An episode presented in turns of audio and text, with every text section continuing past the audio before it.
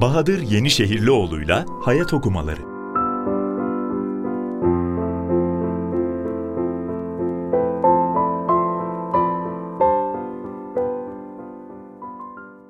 Komşunun hakkı.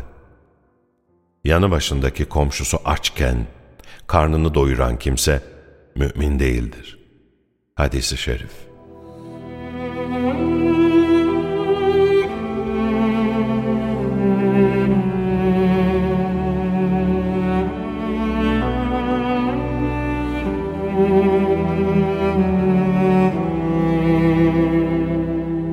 Bir insan hayal et. Seni gördüğünde hatrını soran, görmediğinde merak edip kapını çalan. Her pişirdiği yemeği iki tabak fazla yapan. Sana eziyet etmemek için gerektiğinde ev ahalisini uyaran. Kendisinden sana asla zarar gelmeyeceğini bildiğin, dilediğin zaman kapısına gidebileceğin, güvenebileceğin bir insan. Kim bu biliyor musun dostum? Mümin bir komşu.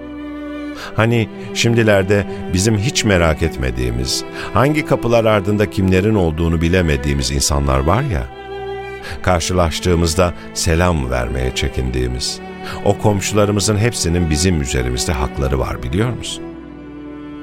Hem de öyle haklar ki bunlar. Resulullah'ın Cebrail bana komşu hakkından o kadar çok bahsetti ki komşuyu komşuya mirasçı kılacak zannettim dediği kadar.'' Biz kendi dertlerimizin girdabında öyle boğulduk ki komşumuz ilgileneceğimiz insanlar listesine bile girmedi. Oysa inandığımız dinin bizi bağladığı kimselerdi onlar. Bir kapılarına gitmek çok zor değildi. Bir hal hatır sormak, bir şeye ihtiyacı varsa bulup buluşturmak, bir derdi varsa dinleyerek belki derman olmak. Ne güzel bir dindi ki İslam, mümini mümine düğüm düğüm kalpten bağlayan insanlığı ayakta tutan. Ve biz içimizdeki İslam damarını kuruttuk dostum. Birbirimizi arayıp sormaz olduk. İncecik duvarlar kalksa aradan, bir ev olacağımız insanların yüzüne bakmıyoruz. Merak etmiyoruz. Benim derdim bana yeter diyoruz ya. Bir de aman ya Rab. O nasıl bir müminliktir? Müminin böyle bencilliği olabilir mi?'' Mümin Rabbi bu kadar kendisini kardeşlerine bağlamışken sırtını dönebilir mi? Mümin bana ne diyebilir mi? Biz dedik ama. Hatta komşularının yardımına koşanları kınadık yetmezmiş gibi. Başka işin mi kalmadı dedik. İşimiz bu olmalıydı halbuki. Yaşlı bir teyze evindeki bozuk lambayı değiştiremediği için karanlıkta oturmamalıydı.'' Bir amca kırdığı tabağı eğilip yerden toplayamadığı için üzerine basıp ayaklarını kanatmamalıydı. Bir komşunun ölüm haberini aldığımızda canımız yanmalıydı. Tanımıyorum ki diye omuz silkmekten öte geçmeyen hatırsızlığımız komşusuna iyilik yap ki mümin olasın diyen peygamberin ümmetine yakışmazdı.'' Bir Müslüman öldüğünde en yakın komşularından üç hane halkı kendisinin iyi bir insan olduğuna şahitlik ederse Yüce Allah bildikleri kadarıyla şahitlikte bulunan kullarımın şahitliğini kabul ettim ve kendi bildiklerimi de bağışladım buyururdu dostum biliyor musun?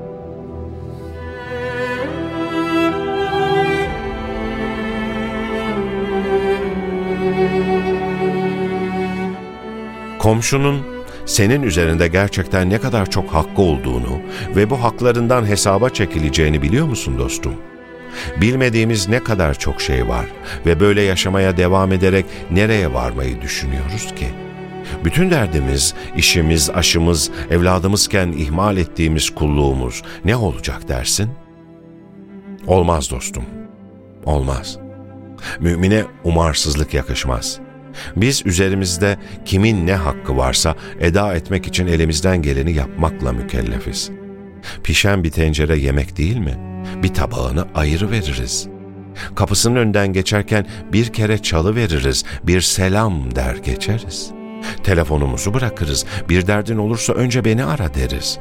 Biz müminiz dostum. Hakkıyla iman etmeye karar verdiysek bunlar boynumuzun borcu.''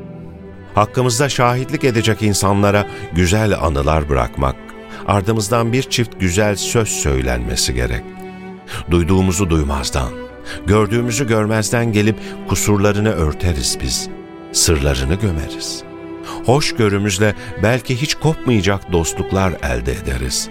Biz komşumuzun rızasında Allah'ın rızası olduğunu biliriz.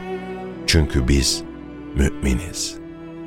Kendisinin tebliğ ettiği dine ittiba etmeyen komşusunu bile ziyarete giden peygamberin ümmetiyiz. Biz bize yakışanı yapalım dostum. Çalalım komşumuzun kapısını bugün ve yeni bir güzelliği katalım hayatımıza. Bir müminin nasıl olması gerektiğini halimizle anlatalım. Hiçbir menfaat beklemeden Allah rızası için yapalım bunu ve karşılığını da Allah'tan alalım. Umulur ki Rabbi Ala bizden razı olur.